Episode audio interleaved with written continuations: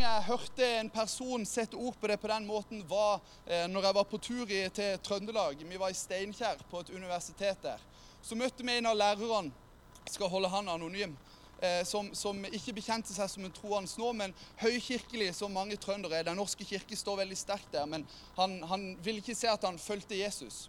Så fortalte han fra sitt liv. Han var 15 år, og så ble eh, mamma syk, og så ble pappa syk, og så ble onkel syk. Sant? Sykdom brer seg i familien, og dødsfallene baller på seg. Og så ber han til Gud, som han alltid hadde gjort hver kveld. Men Gud svarte aldri på bønnen. Så går han gjennom en krise, og så forlater han troa si. Det er så vanlig. Og hva i all verden skal vi gjøre med disse ubesvarte bønnene? Med disse bønnene som vi løfter opp, og som vi skriker ut i frustrasjon, og så svarer ikke Gud. Hva skal vi gjøre med det? Skal vi ta be? Vil du be sammen med meg? Kjære Jesus, takk for eh, denne søndagen. Takk, Jesus, for det at eh, du er herrenes herre, du er allmektig, du har overvunnet døden. Takk, Jesus, for det at det er noen løfter som står høyere enn andre. Jesus, eh, jeg ber deg om at denne søndagen så skal din sannhet i ditt ord bli åpenbart for oss. Din kjærlighet skal bli åpenbart. Jesus, jeg ber om at du skal komme med din ånd og med din ledelse og med all den hjelp som jeg trenger. Jesus, denne søndagen gir jeg til deg. Må du velsigne den, og må du bruke den som du vil. I Jesu navn. Amen. Vi skal til dagens første Det var, det, det var dette jeg sa. Jeg sa når jeg trykker Trykker du for meg, eller skal jeg prøve? Skal jeg gå OK. Nå er vi live. Vi er live. Det er veldig bra. Dagens første tekst av mange, det står i Johans evangelium, kapittel 14, vers 13-14. Og dette er det Jesus som sier. Han sier, og det dere ber om i mitt navn, vil jeg gjøre, så Faderen skal bli æret gjennom Sønnen. Dersom dere ber meg om noe i mitt navn, vil jeg gjøre det. Jeg syns dette er interessant. For dette er veldig motstridende til ubesvarte bønner. Når Jesus sier dette 'Det dere ber om i mitt navn, vil jeg gi dere.' Ja, men jeg har bedt. Men jeg ser ingenting. Så hvordan skal vi forholde oss til dette? Jo, i dag så eh, Jeg tror dette er sant. Jeg tror det er noe sant over det, men i, i en større sannhet. For når vi bruker Bibelen for å tolke Bibelen, så er det et bibliotek som vi på en måte dykker ned i. Og det er veldig få bøker man kan gjøre det med at man har et så stort oppslagsverk at for hver enkelt vers så kan du kryss, ha sånn kryssreferanse i flere hundre års tidsrom for å på en måte fortelle eller for å finne ut av hva det egentlig dette prøver å fortelle.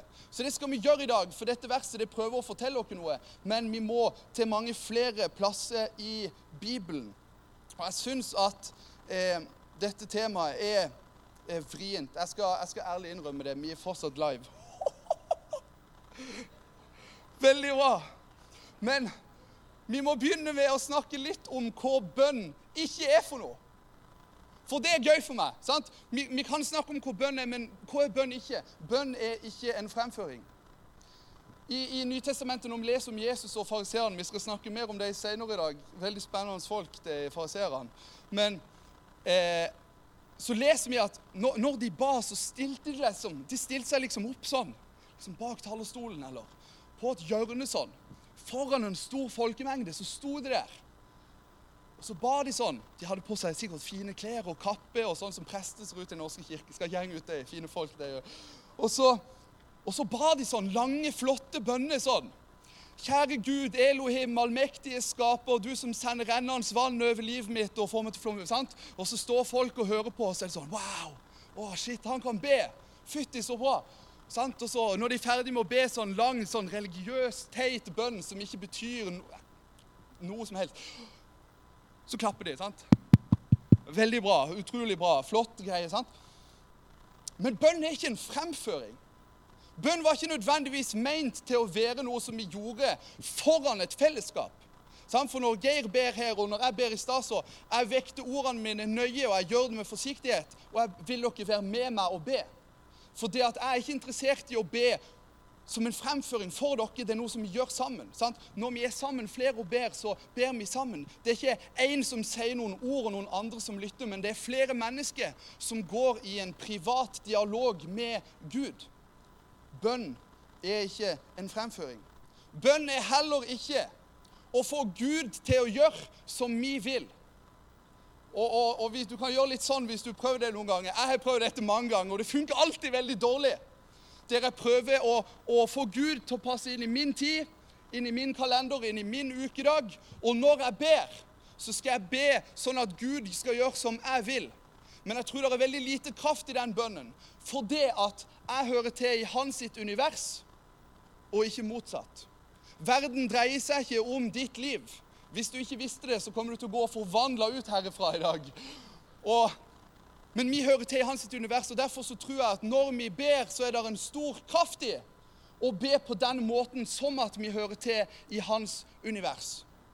Ikke sånn at han skal gjøre vår vilje, men en bønn som gjør at vi skal leve i hans vilje, i hans sitt kall, i hans plan, i det som han allerede gjør i verden. Forskjellen der er eh, katastrofal enorm. Den neste den syns jeg er litt fin. Bønn er ikke en sånn åndelig julenisse. Men jeg tror, selv om vi ikke sier det, så kan vi noen ganger leve som det. At vi noterer oss ned i hodene våre hvor, Oi, nå har jeg vært mye på gudstjeneste siste. Nå har jeg vært flink til å prioritere bønnemøtet. Nå har jeg vært trofast i tjenesten min. Gud, ser du alt dette jeg har gjort? De gode tingene jeg har gjort? Og så ber vi med et utgangspunkt i at han skal svare på våre gode gjerninger. Som om Gud sitter som julenissen og fører opp liksom liste på alt det gode og alt det dårlige vi gjør. Og så på summen av året så blir det sånn kvote for 2023. Summen av 2022 sine handlinger. Det er ikke en kvote på hva Gud skal svare på ut ifra hva du gjorde i fjor. Dette året som kommer nå. Det er ikke en ønskeliste, det er ikke en samling av, av, handlinger som Gud sa på. Han er ikke en julenisse som vi kan skrive ønskene våre til. Og basert på hva vi gjør, så kommer han til å svare. For det ville vært en Gud som var i vår verden, og ikke vi som var i hans sin. Og den siste, og definitivt den jeg har slitt mest med i mitt liv Bønn er ikke en åndelig forhandling der vi møter Gud med Gud, hvis du gir meg dette, så skal jeg slutte med dette. Eller Gud, hvis du gjør sånn for meg, så skal jeg gjøre sånn for deg. Der vi, vi ber om noe i bytte for en tjeneste. Og jeg skal dele noe som jeg har tenkt og, og bedt om. Og dette er sårbart for meg, så dere får ha nåde med meg. Det er greit? Gud, hvis du kunne ordna lønnsøkning, så skulle jeg gitt mer til kirka. Nei, sant?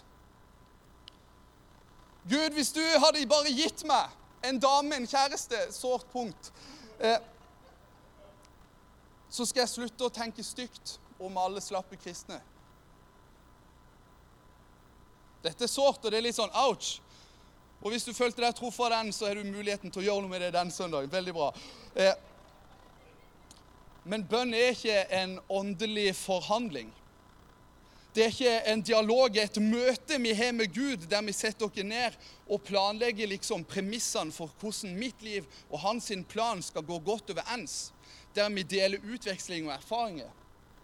Bønn handler om at vi skal søke en skaper som ønsker relasjon med våre liv, men som først og fremst er skaper, som først og fremst er hellig, som først og fremst er allmektig.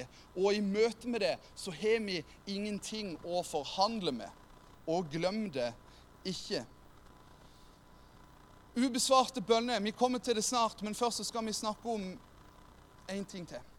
Og det at bønn det er en måte å leve på, ikke en religiøs praksis. Og Dette syns jeg er interessant, for ofte så lever vi ikke bønn, men vi gjør bønn. Og Forskjellen på de to er kanskje marginal.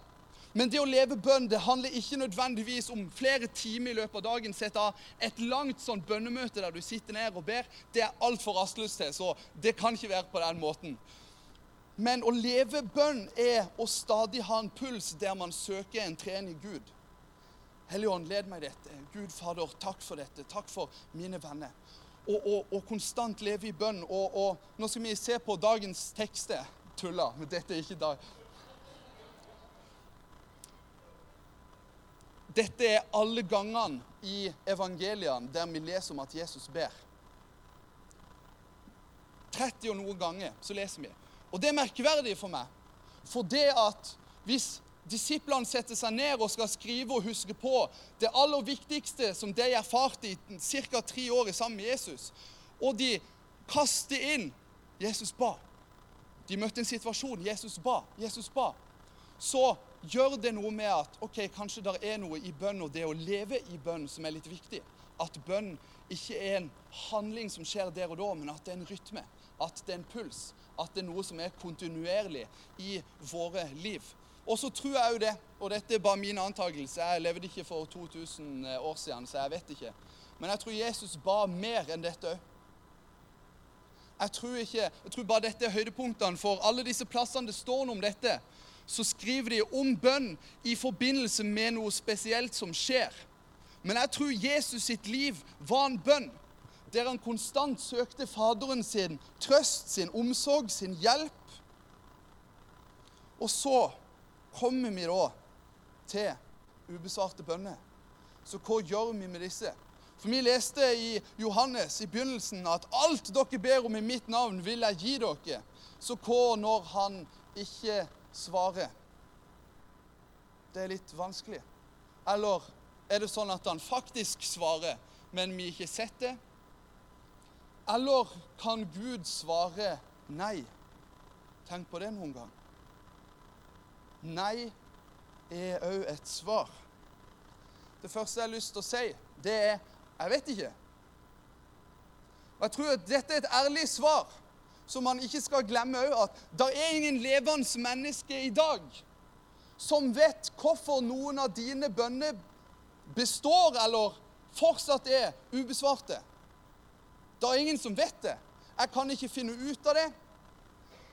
Og noen ganger så sier jeg 'jeg vet ikke', og et smil og en kjærlig klem veldig mye mer enn å prøve å rote fram et eller annet utydelig svar.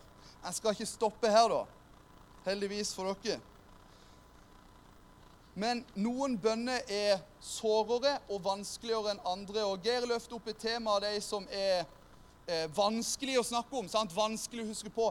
Eh, min, eh, min, bønn som jeg har tenkt på når jeg forberedte meg, som er vondt å svare, jeg vet ikke på, det er når jeg ber Gud Hvorfor kan ikke disse menneskene lytte og ta imot din frelse og bekjenne seg som kristne? Hvorfor kan ikke mine venner, folk i min familie, vende seg mot deg og leve som disipler for din skyld? Det er for meg den, den mest såre, vonde, ubesvarte bønnen som når jeg får høre 'jeg vet ikke', ikke nødvendigvis helt holder. Det strekker ikke helt til pga. at det er sårt. Men jeg har lyst til å si at jeg vet ikke er faktisk ikke et dårlig svar, for det er sant. Men i dag så skal vi allikevel se forbi det, for Bibelen løfter frem fire mulige årsaker til at noen bønner forblir eller allerede er ubesvarte. Og ubesvarte bønner, det er viktig for meg å si det det er en felles betegnelse for bønner som blir besvart på en annen måte enn du hadde sett for deg som bønner som du kanskje Gud, la meg vinne Eurojackpot. Nei. sant? Da er nei et svar. Og bønner som eh, vi har bedt, men som eh, man ikke har muligheten til å få til bønnesvar for lenger. Mennesker som er gått bort. Sjanser som er utløpt. Jobber og økonomier som er tapt. Valg som er for seint. Men Bibelen det løfter frem fire mulige årsaker. Og Jeg vil poengtere så vidt jeg kan se. For inn mot denne talen så har jeg jobba mer enn jeg har gjort veldig lenge med en preken for å eh, gjøre mitt beste for å belyse det som Bibelen ønsker å fortelle dere. Og Det første punktet er brutte relasjoner. Den første årsaken til at noen av bønnene våre kan forbli ubesvarte, er brutte relasjoner. Og eh, Vi skal til tre tekststeder. Så nå begynner vi på det tekstkaoset, det biblioteket som skal gi oss litt masse i dag.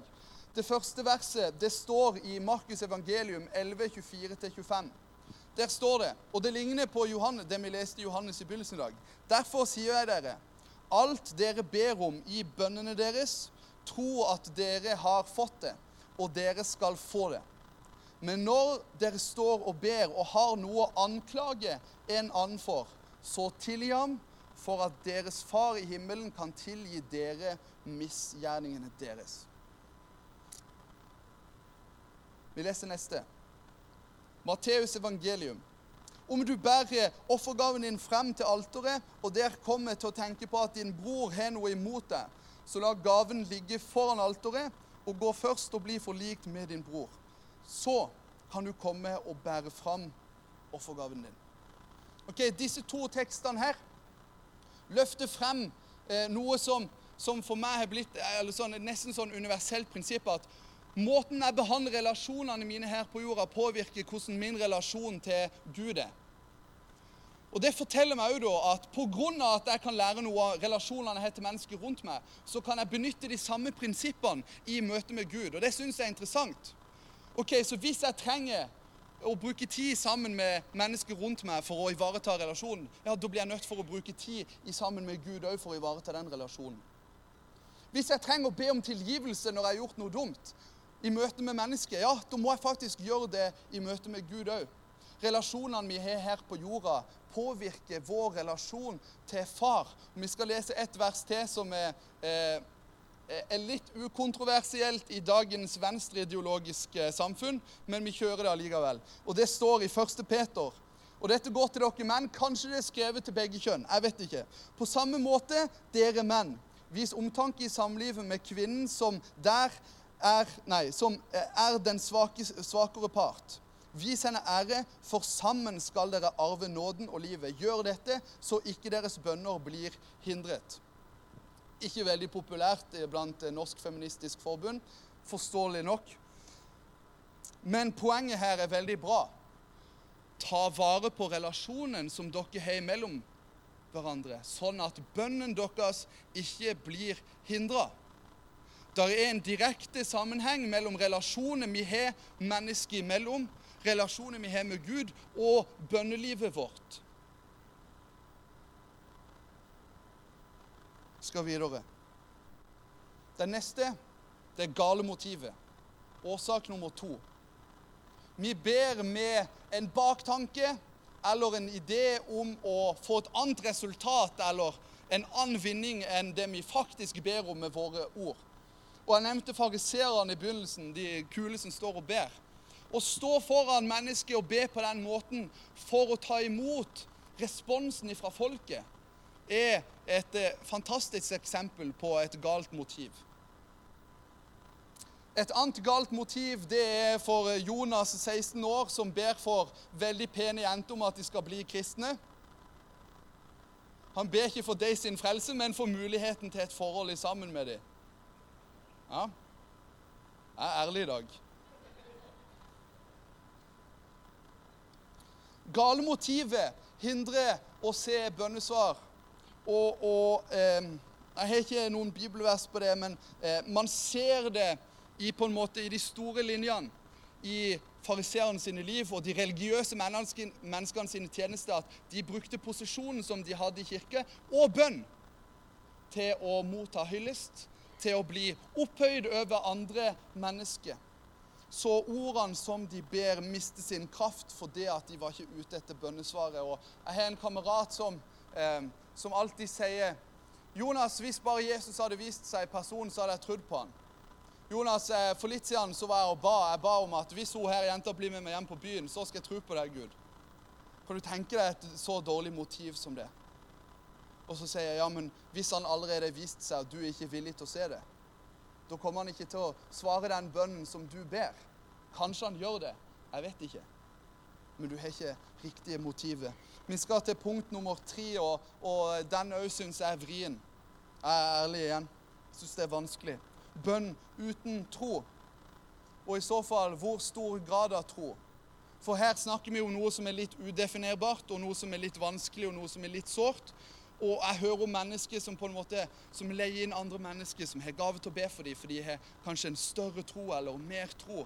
Og så blir det veldig vanskelig fordi at man, man måler noe litt sånn umålbart opp mot hverandre. Men Bibelen er jo tydelig på at eh, tro som et sennepsfrø kan flytte fjell. Så det er en veldig tydelig forskjell på å ha en tro på det man ber for, og å ikke ha en tro. Så la meg, når jeg snakker om dette, så Alt som er imellom der, har jeg ikke peiling på. Jeg vil ikke røre det med pinne engang. Men det som jeg vil snakke om, er å ha tro på det man ber for, og, og, ikke, ha det, og ikke ha tro på det man ber for.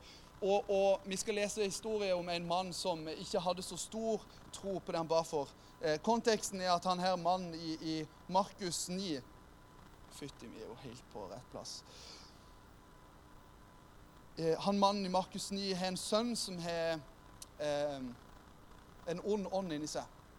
Og denne onde ånden ond, ånden sliter han, og jeg syns det er merkverdig. Og det er verdt å merke seg måten og ydmykheten som han faren viser i møte med Jesus. Mannen forteller mange ganger har ånden kasta ham i både ild og vann for å ta livet av ham. Men om det er mulig for deg å gjøre noe, så ha medfølelse med oss og hjelp oss. Så svarer Jesus, om det er mulig for meg. Alt er mulig for den som tror. Straks roper guttens far. Jeg tror, men hjelp meg i min vantro. Jeg tror, men jeg er ikke fullstendig hendene i været, overbevist. Så hjelp meg i min tvil. Jesus, jeg tror at du kan gjøre det, men jeg har aldri sett det før, så jeg vet ikke. For meg så beskriver denne teksten en tro som nødvendigvis ikke er så stor, men som er god nok. Og så jeg har ikke lyst til at du skal få et forverra gudsbilde eller selvbilde av dine bønnesvar. Jeg tror ikke nødvendigvis noen ganger når vi opplever bønnesvar, at det handler om å tro nok. Men å ha tro, det er nok. Og hvis Gud ikke svarer da, OK, jeg vet ikke. Men vi må ha tro på det som vi ber for. Det leser vi om i, i Lukas 7,50 òg. Jesus sa til kvinnen, 'Din tro har frelst deg. Gå i fred.' Så det er en tydelig sammenheng med å faktisk tro på noe, og så be om det. Og så er det noen mennesker som aldri har erfart Jesus, aldri vært i en kirke, lest i Bibelen, men som faller på kne i desperasjon en kveld i tro på en Gud som de ikke vet noe om ikke noe kunnskap om, som er langt der ute. Og så gjør han en tydelig inngrepen i de sine liv, de sin familie. Han kan helbrede sykdom for det at der er en tro der. Og så skal vi til den fjerde. Gud har andre planer. Og Dette har jeg fått lov til å erfare i mitt liv. Jeg skulle jo egentlig bli ingeniør. Det hadde jeg ikke passa så bra til. Men Gud hadde andre planer. Noen ganger når vi ber, så ber vi om ting, og så svarer Gud på en annen måte, enten umiddelbart eller fram i tid, fordi at han vil det annerledes, fordi at han ser et større bilde. Og, og jeg skal ikke bli helt eh, kalvinistisk med dobbel predestinasjon og på en måte Gud forutbestemmer alt. Så han har andre planer, så han gjør det som han vil. Men jeg tror noen ganger så og Gud har muligheten, og så tror jeg noen ganger han bestemmer seg for å gripe inn i våre liv og gjøre annerledes enn det som vi ber for. Kjære Jesus, jeg ber deg om at jeg skal få lov til å komme inn på denne skolen, og så kommer man ikke inn på skolen, og så går man en ny plass. Så er det ikke at Gud hindrer muligheten til skolen, men det at han gir deg mulighet til å blomstre en annen plass. Han lar hagen som var visna, få lov til å blomstre og få nytt liv en annen plass. Fordi at han går med Gud hadde andre planer. og I 1. Johannes brev, dette syns jeg, jeg, er veldig bra. Johannes er frimodig her, og han skriver Og dette er vår frimodige tillit til ham. At han hører oss når vi ber om noe som er etter hans bilde. Og vi vet at han hører oss, hva enn vi ber om. Så vet vi at vi allerede har det vi har bedt han om. Så dette er så fint. Vi har allerede det vi har bedt han om, når vi ber om noe i hans bilde. Hvorfor det? Jo, fordi at det er noen løfter, det er noe overordna som står fast. Og Jeg har lyst til å snakke bitte litt om Paulus for dere. Jeg vet ikke om du visste det, men eh, det nevnes så vidt at Paulus hadde en torne i livet sitt. Og det spekuleres i hvor denne tona skal være. Men det er en merkbar eh, hindring for hans tjeneste. Det kan være en sykdom, det kan være en relasjon, det kan være forskjellige ting. Paulus hadde en tone i livet sitt. Og når vi snakker om disse fire tingene, med brutte relasjoner, med gale motiver, med bønn uten tro og med Gud har andre planer, så faller Paulus sitt liv inn i den fjerde. Gud ville det annerledes. For det Jeg vet ikke om dere har sett sånn skilt. Dere skal bare vite sånn, hvor kjent Paulus er. Sånn eh, Homes for the Hardy, sånn kristne greier som er pynt hjemme. Dere skjønner? Sannsynligvis har Paulus skrevet det. Ja, sannsynligvis har Paulus skrevet det. Så kjent er han. Så tett var han på Gud at han er pynt på husvegger 2000 år etterpå han levde. Det er jo helt crazy.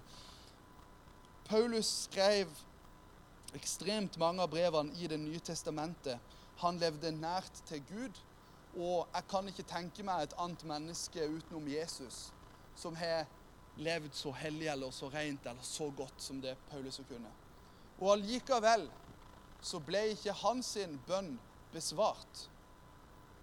Med hans sykdom for det handler ikke om hva man gjør godt eller hva man gjør galt. Det handler ikke om man har de riktigste intensjonene i verden. Noen ganger så har Gud andre planer, og så må man lene seg på 'Jeg vet ikke'. Jeg har ikke peiling hvorfor. Men det er sånn. Og så kan jeg fortsatt tjene Gud. Og så kan jeg fortsatt tjene Han som heter Jaire. God is sufficient. Gud er alt tilstrekkelig. Eller Gud er forsørger. His provider. Det er et navn for Gud. Gud har flere navn. Jave, Elohim, El Shaddai. Men Jaire har blitt en av mine favoritter. For det at når vi snakker om ubesvarte bønner og alt annet i livet, så er han tilstrekkelig. Det er en gospelsang som går sånn eh, If he doesn't uh, do anything else for me, it's okay, because he's already done enough. Hvis han ikke velsigner meg noen gang, svar min bønn noen gang, så er det OK. For det at han har allerede gjort nok. Løftet om at han skal komme igjen, står fortsatt fast. Og hvis det er en ting som jeg leser om i Bibelen, om den alltilstrekkelige Guden, så er det at hvis han har sagt at han skal gjøre noe, så kommer han til å gjøre det.